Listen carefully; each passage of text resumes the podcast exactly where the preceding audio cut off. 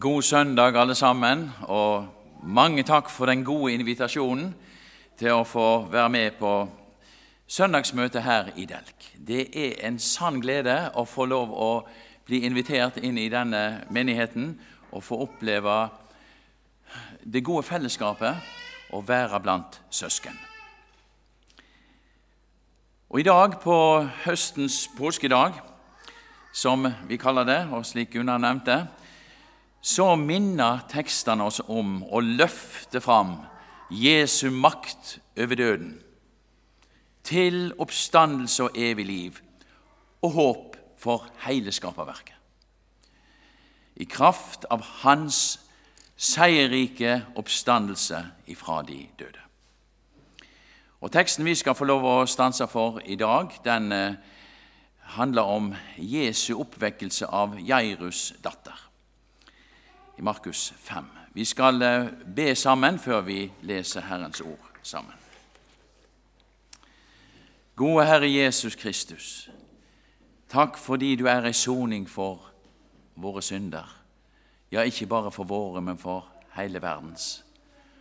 Og nå ber vi at din død og din oppstandelse kunne nå inn til oss, Herre, gjennom evangeliet så vi får se på nytt igjen hva det betyr for oss.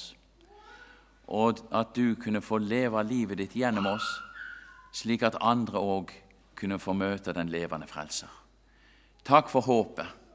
Takk for det levende håpet som er sikrere enn døden, fordi det er forankra i din død og i din oppstandelse. Amen. Og Da er teksten ifra Markusevangeliet. Dette hellige evangeliet det står skrevet i Markus 5, 35-43. Men for å få med hele historien så tar vi òg med vers 21-24. Og vi leser i Jesu navn. Og da Jesus var fart over med båten til den andre siden igjen, samlet mye folk seg om ham, og han var ved sjøen. Og en av synagogeforstanderne ved navn Jairus kommer dit. Da han får se Jesus, kaster han seg ned for hans føtter. Han ber ham inntrengende og sier, 'Min datter ligger på det siste. Kom og legg hendene på henne, for at hun kan bli helbredet og leve.' Han gikk da med ham. En stor folkemengde fulgte med, og de trengte seg om ham. Så fortsetter vi videre i vers 35. Mens han ennå talte, kom det noen fra synagogeforstanderens hus og sa:" Din datter er død. Hvorfor bryr du mesteren lenger? Men Jesus hørte det som ble sagt, og sa til synagogeforstanderen:" Frykt ikke, bare tro. Han lot ingen følge med seg uten Peter og Jakob og Johannes, Jakobs bror. De kommer så til synagogeforstanderens hus. Der ser han et stort oppstyr, folk som storgråter og jamrer høyt. Idet han kommer inn, sier han til dem, Hvorfor larmer og gråter dere? Barnet er ikke død, hun sover. Men de bare lo av ham. Han driver alle ut tar med seg barnets far og mor og dem som er med ham, og går inn der barnet er. Så tar han barnet ved hånden og sier til henne, Talita kumi. Det betyr, pike, jeg sier deg, stå opp. Straks sto piken opp og gikk omkring, for hun var tolv år gammel. Og de ble helt ute av seg av undring. Han påla dem strengt at ingen måtte få vite dette, og sa at hun måtte få noe å spise. Dette var ordet ditt, Hellige Far. Hellige oss i sannheten. Ditt ord er sannhet. Amen.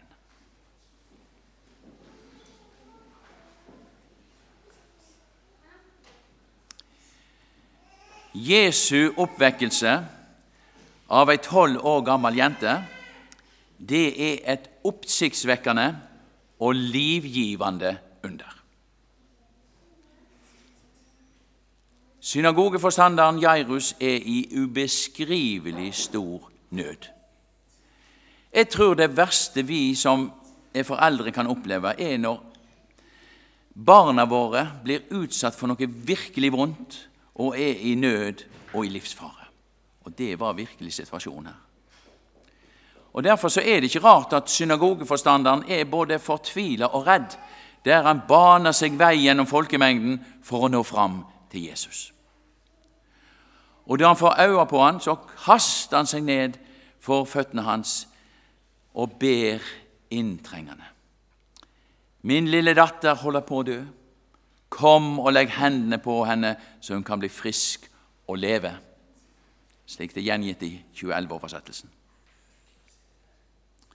Og Jesus, jo, han gikk da med han. Også når alt håp syntes å være ute.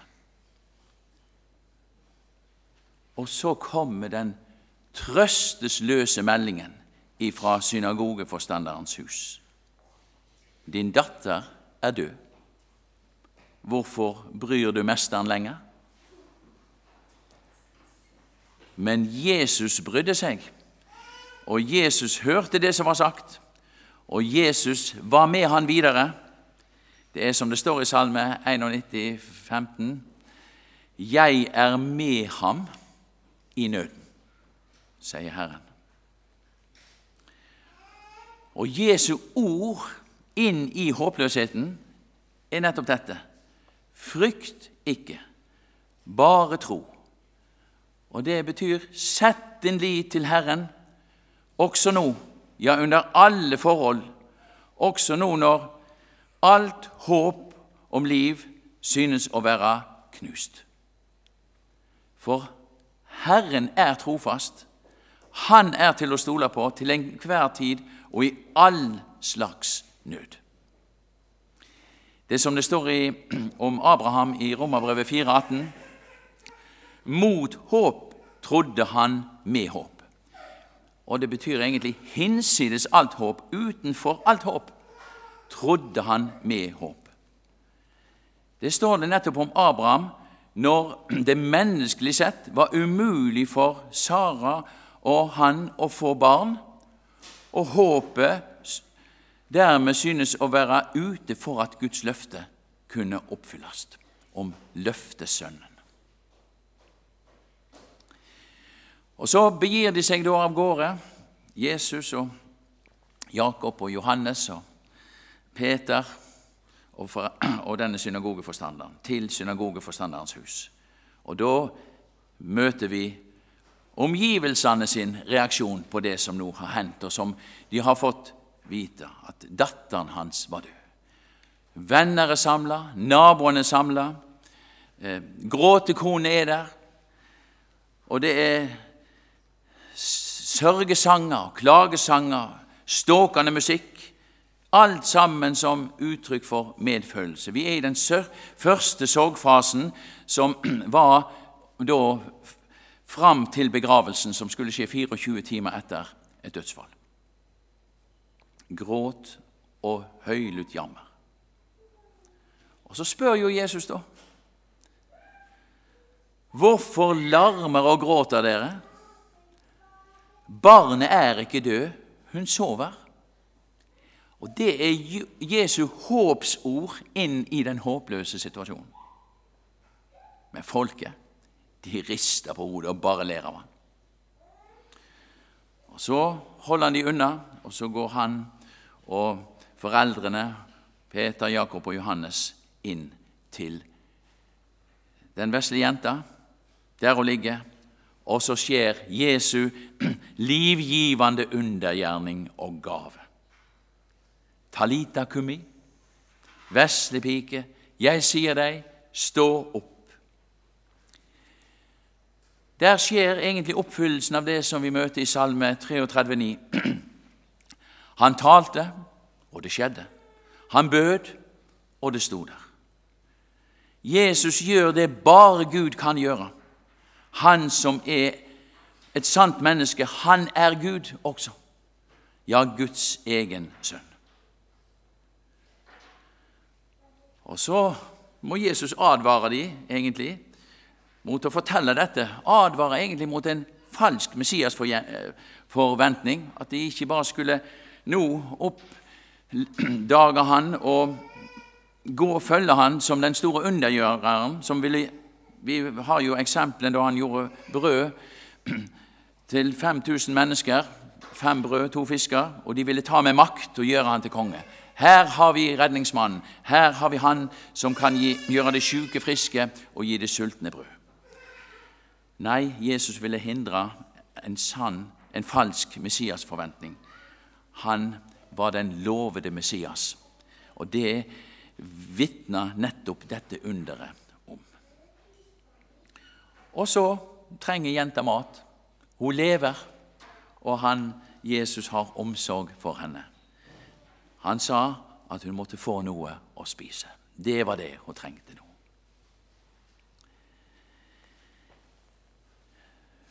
Fortellingene om Jesu undergjerninger de avdekker og de åpenbarer hvem Jesus Messias er, og hva hans gjerning går ut på for oss.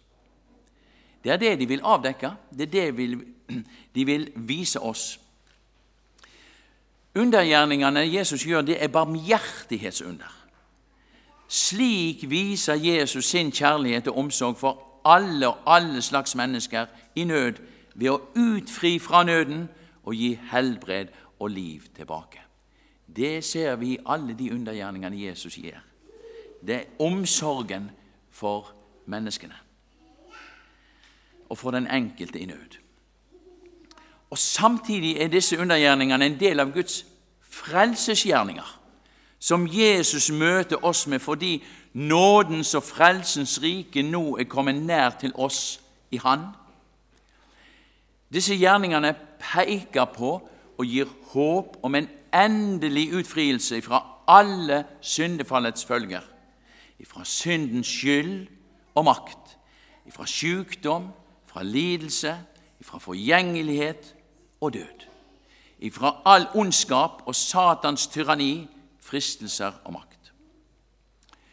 Og Derfor er Jesu undergjerninger Messiastegn, som vitner om utfrielse, frelse, oppstandelse og evig liv, som Skriften i Det gamle testamentet vitner om skulle komme nettopp med Guds frelserkonge Messias.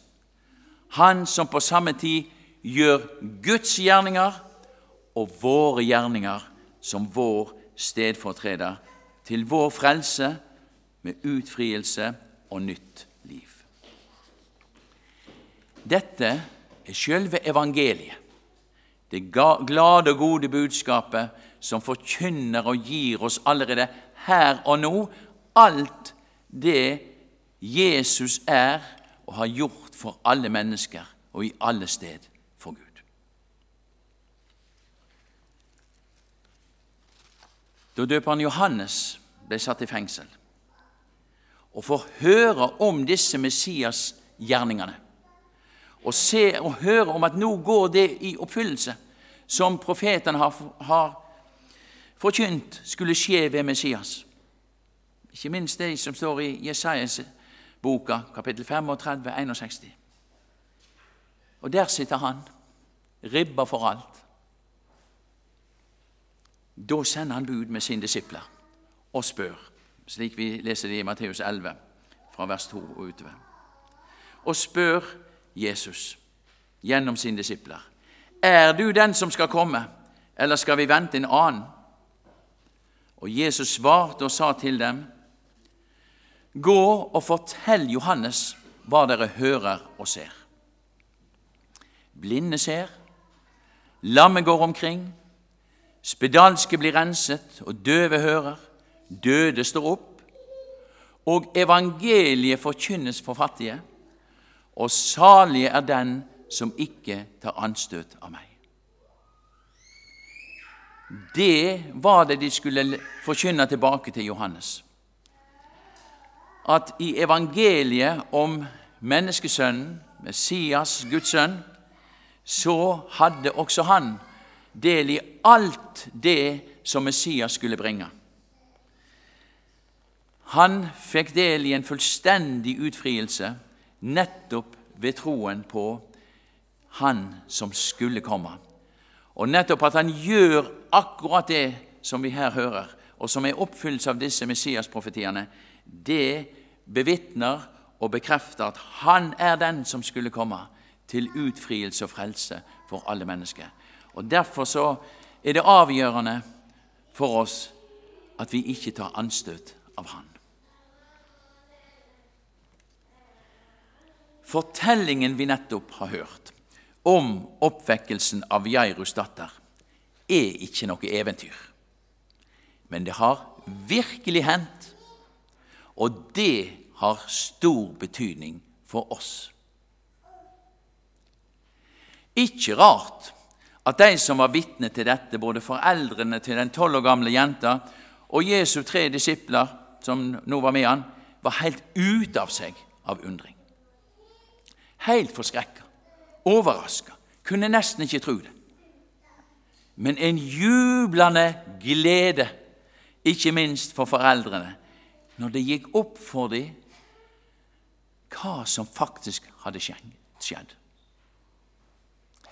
Tenk, døden er akkurat som en søvn for den som hører Jesus til, der vi er når vi dør hos Herren og blir tatt vare på av Han til vi skal våkne opp igjen en gang når Jesus kommer tilbake og vekker oss opp fra døden og henter oss hjem til det fullkomne Guds rike. Oppstandelsen på den nye jord i et nyskapt univers. Da skal vi se Han helt på ordentlig. Ja, vi skal få se ham som han er, for vi skal bli ham like og få samme oppstandelseslegeme og kropp som han. Slik det står i 1. Johannes brev, kapittel 3. Vi skal alltid få være sammen med Jesus alltid ha det godt på alle måter og ikke savne noe eller sørge. Det er ingen som skal være lei seg mer. Det er ingen som skal utsettes for ondskap, verken barn eller voksne. Ingen som skal bli krenka ved overgrep. Ingen som skal bli mobba og ledd av. Ingen som blir syke eller dør. Det er veldig stort at Jesus virkelig har makt over døden, som er den siste fiende. Fordi han er Guds sønn og vår frelser, som er gått i døden for oss og er oppstått, er han sterkere enn døden. Ja, han har overvunnet døden og gitt oss livet tilbake. Det er nettopp dette Jesu oppvekkelse av Jairus' datter avdekker og peker på, og som apostelen Paulus vitner om nettopp i lys av Guds sønns fullbrakte frelsesverk gjennom sin død og sin oppstandelse. I 2. Timotius brev 1 står det Han har tilintetgjort døden og ført liv og uforgjengelighet fram i lyset ved evangeliet. Det er jo en kjent sak. Vi mennesker mister egentlig livet en gang, alle som én. Da de første menneskene, Adam og Eva, gjorde akkurat det motsatte av det Gud sa til dem, det betyr at de synda mot den hellige Gud. Og etter at det skjedde, så har det faktisk blitt slik at alle mennesker har synda og livet vil derfor ta slutt for oss alle en gang. Døden og synden har trengt igjennom til alle mennesker fordi de syndet alle, står det i Romerbrevet 5. Men nå viser Jesus at han er den som har gitt oss livet tilbake. Det viste han da han gjorde denne jenta vi hørte om, levende igjen. Ja, han har brutt sjølve dødens og fortapelsens makt ved sin stedfortredende soningsdød og seierrike oppstandelse. Fordi Gud er så ufattelig glad i deg og i meg, i alle mennesker, som Han har skapt i sitt eget bilde, og slik gitt oss vår umålelige verdi og grunnleggende identitet, ja, så døde han sjøl, mindre enn tre år etter oppvekkelsen av Jairus datter, på et kors, da Jesus Messias, Guds enbårne sønn, på den måten i frivillig kjærlighet gikk inn under Guds egen straff, dom og vrede i vårt sted og for våre synders skyld. Tenk det. Det som Paulus vitner i Romerbrevet 5,8. Men Gud viser han, viser nå, altså, mens vi er samla her. Men Gud viser sin kjærlighet til oss ved at Kristus døde for oss mens vi ennå var syndere. Men han ble ikke værende i døden. Han ble levende igjen og sto opp fra graven med en herliggjort kropp, uten all forgjengelighet. Døden kunne ikke holde på han når all vår syndeskyld var betalt, og han sjøl var uten synd.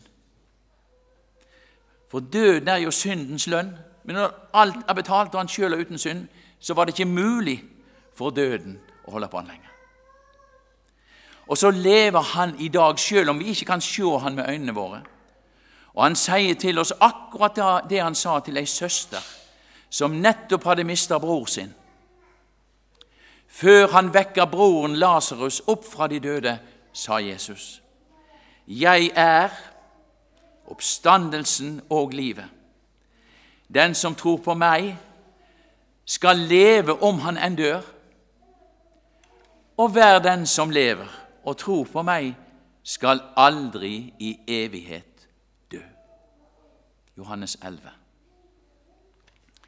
Og Det betyr òg at når vi forteller om Jesus, deler evangeliet om Han i ord og gjerning, ja, da er vi med å gi de vi deler med, et liv som varer så lenge de lever, også etter at de er døde, hvis de bryr seg om og tar imot det de hører og får del i, og ikke avviser evangeliet. Salig, sier Jesus, er den som ikke tar anstøt av meg. Det var dette livet vi fikk da vi ble Guds barn i dåpen, og som vi fortsatt har fordi vi tilhører Jesus ved troen på Han. Han som er vår levende frelser, vår oppstandende redningsmann. I Han og ingen annen har vi sjølve livet fra Gud, det evige liv og levende håp. Amen. Ære være Faderen og Sønnen og Den hellige ånd, som var, er og blir en sann Gud, høylovet i all evighet. Amen.